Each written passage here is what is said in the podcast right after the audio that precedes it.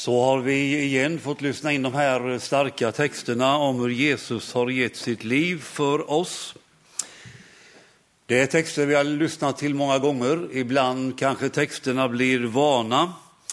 Men vi tror att Gud på nytt vill göra det här levande så att ja, vi kan ta in att det vi läser och det vi sjunger och talar om idag, att det är djupa verkligheter och att det är någonting Gud har gjort för oss.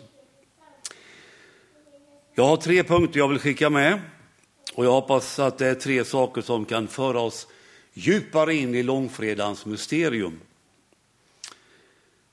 Först Jesus sår.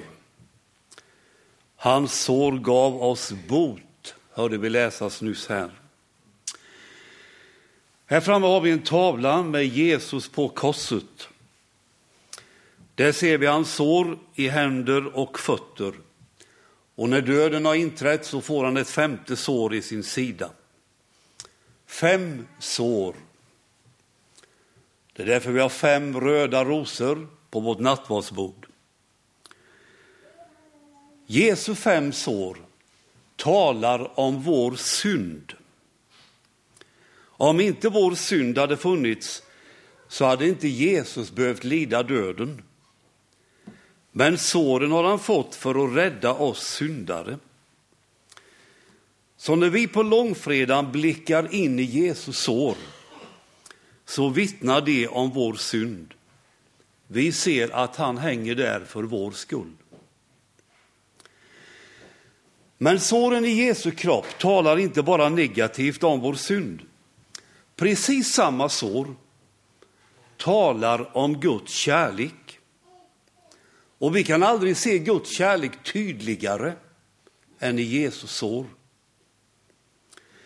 Så Jesus sår talar om både vår synd och om Guds kärlek. Dessa två är egentligen omöjliga att förena. Men Gud har försonat det oförenliga. Gud får ihop både synd och kärlek. Och detta är oerhört dyrbart. Så om du vill fundera och meditera idag så kan du fördjupa dig i detta med Jesus sår. Gör som lärjungen Thomas efter uppståndelsen, var angelägen om att få se såren. Jesus är för alltid märkt av sina sår. Det betyder att han för evigt bär med sig märkena av vår synd. Det betyder att han för evigt utstrålar Faderns kärlek. Och då tänker jag så här, att i evigheten så kommer vi hela tiden att blicka in i Jesus sår och förundras över Guds kärlek till oss. Fråga mig inte hur det ska gå till, men vi kommer aldrig att bli mätta på det. Och hela tiden kommer vi att glädjas och förundras och lovsjunga Jesus, det slaktade lammet. Så står det i Romarbrevet att Jesus vädjar för oss. Ber för oss, står det i folkbibeln. Och det gör han, det gör han just nu, när vi finns i gudstjänsten här. Och då tänker jag att han i den himmelska världen visar just nu Fadern sina sår. Och så säger han att de som finns i Allianskyrkan i Huskvarna just nu, de har tillträde till dig, far. De får vara dina på grund av mina sår. De är inneslutna på grund av såren. Vi tror ju på en Gud med sår. Vår Gud är inte en Gud som står utanför lidandet och som menar att han utifrån kan råda bot på det onda. Nej, Gud är en Gud som går in i lidandet, låter sig såras, han låter sig förnedras låter sig misslyckas. Vår Gud har sår. Han har köpt oss med sitt eget blod. Guds väg att rädda oss var alltså genom att få sår, att ge sig själv. Det var segervägen. Och då är det så här att som lärjungar till Jesus så är vi kallade att gå samma väg. Och med det menar jag att också våra liv behöver bli sårmärkta. Om vi ska ge oss i tjänst i Guds rike, i tjänst för människors skull, så kostar det alltid något. Och ibland är priset väldigt högt. Men också genom våra sår, genom att vi lägger ner våra liv. Det är genom det som vi kan tjäna sårade människor. Så när våra sår av utgivande läggs till andras sår av smärta, ensamhet, förtvivlan, hopplöshet. När de såren läggs samman, det är då som läkedom sker. Vi måste såras för att kunna hela, som det står i en dikt. För det andra, Kristus dog för oss. Så här skriver Paulus i Romarbrevet. Men Gud bevisar sin kärlek till oss genom att Kristus dog för oss medan vi ännu var syndare. I konfirmationsundervisningen brukar vi lära ut att jul talar om Gud med oss. Påsk talar om Gud för oss. Pingst talar om Gud i oss. Här har vi Gud för oss. Kristus dog för oss. Lägg märke till att Paulus betonar att Kristus dog för oss medan vi ännu var syndare. Egentligen står det att han dog för oss när vi aktivt var emot honom. När vi aktivt jobbade emot Gud. Då dog han för oss. Och när jag i veckan funderade på detta så frågade jag mig själv lite så här, bara för att ta en enkel liknelse. Hur mycket kan man vara redo att satsa om vi då talar om pengar? Det är klart att om jag skulle satsa en större summa pengar på något så skulle, måste jag vara hyfsat säker på att jag får bra mycket tillbaka. Va? Och om chanserna är små så satsar jag mindre. Om vi nu tänker så här att vi var emot Gud. Hela mänskligheten jobbade aktivt mot Gud, var syndare. Och så tänker Gud att han ska ge sin son för att rädda oss. Då tänker jag att Gud mänskligt sett skulle tänka så här. Är det värt att satsa på detta? Det varenda en är emot mig. Man kan tänka att Gud skulle gett upp hela saken på en gång. Att han skulle se det som lönlöst. Det blir inget av detta. Men Gud tänker inte så. Han ger sig inte så lätt. Hans vapen är kärleken. Han älskade så mycket att han ville rädda oss. Och då spelar det ingen roll om varenda människa är aktivt emot honom. Gud är kärlek och han kan inget annat göra än att älska. Det är hans enda väg. Så även om alla var emot Gud så satsade han allt. Hans kärlek hade ingen annan väg. Gud bevisar sin kärlek till oss genom att Kristus dog för oss medan vi ännu var syndare. Gud tror på kärlek, som vi sa i söndags. Och detta uttryck för oss, det präglar ju Jesus hela tiden. Han är alltid tjänande. Det gäller hans bön, det gäller botande, samtal med Nikodemos, vinet i Kana, när han mättar tusenden, när han välsignar barnen, när han tvättar lärjungarnas fötter, när han efter uppståndelsen visar sig för Thomas, när han ordnar grillfrukost på Genesarets strand. Alltid är det för oss, för oss, för oss. Och allt detta för oss når sin höjdpunkt på korset, där den gode herden ger sitt liv för fåren. Kristus dog för oss.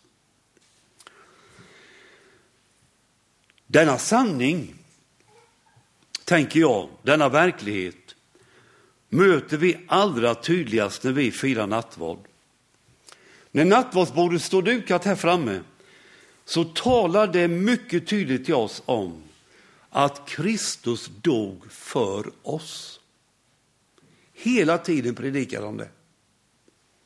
Och när vi tar del av gåvorna med orden Kristi kropp offrades för dig och Kristi blod renar dig från all synd, då får vi tänka för mig, för mig, för mig, för oss, för oss, för oss.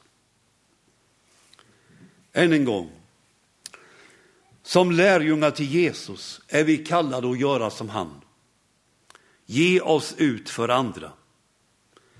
Ge oss för och åt andra så att vi också upptäcker Kristus dog för oss, för mig. Vi sa att alla gick emot Jesus när han tjänade oss. Och även om det mesta kan tyckas gå emot så finns det nog bara en väg att gå om vi ska följa Jesus. Och den vägen är att tjäna. Genom bön och genom arbete. Genom att lägga ner sitt liv för andra. Precis som Jesus. Minns du Karl-Erik Salberg? Att han har skrivit en liten skrift med titeln När ditt torn rasar, tjäna. Alltså, när det blir jobbigt, när det vi har byggt upp rasar, när det mesta tycks gå emot. I det svåra där så finns det en framkomlig väg tillsammans med Jesus. Tjänandets väg, kärlekens väg. Gud tror på kärlek. Vi är kallade till samma tro. Och för det tredje, då brast förhänget. Och då brast förhänget i templet i två delar uppifrån och ända ner, hörde vi nyss från Markus evangeliet. Är det någon gång man skulle vilja ta med, vara med i templet så är det vid långfredagens nionde timme. Vad tänkte prästerna som fanns där? Hur reagerade de? Det stora, jättestora, tjocka förhänget som dolde det allra heligaste i templet.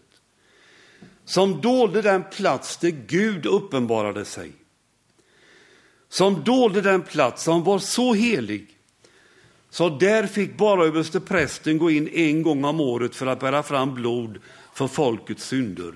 Ingen annan kunde ju överleva detta. Och så sker det otroliga att förhänget delar sig och Gud blir åtkomlig. Vägen fram till Gud är öppen, inte bara för överste prästen, utan för alla. Och nu är det spännande här. Att detta som hände i Jerusalems tempel den här långfredagen, det var egentligen en bild på något större som skedde. Det som skedde i Jerusalem, det var inte den verkliga verkligheten. När det finns ett tempel, ett större tempel, i himlen och när Jesus dör på korset och när förhänget brister där i templet så sker det något avgörande i den himmelska helgedomen. Hebreerbrevets författare skriver om detta. Och i den himmelska helgedomen så är Jesus, häng med nu, så är Jesus både förhänge och överste präst. Om vi tänker på att Kristi kropp är som det där förhänget så brister ju hans kropp sönder i döden. Och genom den brustenheten så blir han öppningen, porten fram till Gud för oss. Och sen är Jesus överste prästen som har kommit med blod inför levande Gud i himlen. Inte blod av bockar och kalvar, står det så som skedde vid templet i Jerusalem. Utan han har kommit med sitt eget blod. Det blod som har runnit för vår skull. Och med sitt eget blod har han trätt in i den verkliga helgedomen inför Gud. En gång för alla, står det. Och han har, står det, vunnit befrielse åt oss för evigt. Med andra ord, det Jesus har gjort, det behöver inte göras en gång till. Det har giltighet, giltighet i evighet. Då brast förhänget. I de orden ligger så oerhörda rikedomar som vi bara kan snudda vid lite nu. Med sitt blod betalade Jesus vår skuld. Det var priset, det högsta tänkbara. Och det är på grund av detta som sångaren kan sjunga Mitt skuldregister han plånat ut. Den bördan slipper jag bära. Hela registret, alla rader i skuldbrevet är borta. Det dummaste vi kan göra, det är att själva dra på vår synd och skuld. Vår börda av elände får vi lasta över på Jesus som redan har burit den. Och tänk att kunna sjunga, den bördan slipper jag bära.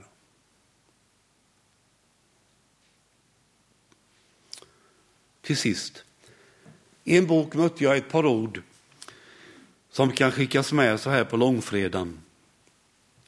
Orden var perfekt eller fullkomlig. Frågan var om vi vill leva perfekt eller om vi vill leva fullkomligt. Om vi ska leva perfekt, då hänger det hela tiden på oss själva. Då måste jag hela tiden tänka på att jag ska skärpa mig, prestera, klättra uppåt. Fullkomlig däremot, det blir man inte själv. Det blir man genom att lita på Jesus. Lita på att allt mitt elände var med i hans sår. Att han dog för just mig. Att hans kropp bröt sönder för mig. Om man ska bli perfekt, då blir man självupptagen. För då hänger allt på en själv. Om man ska bli fullkomlig, då behöver man vara Jesus upptagen. För då hänger allt på Jesus.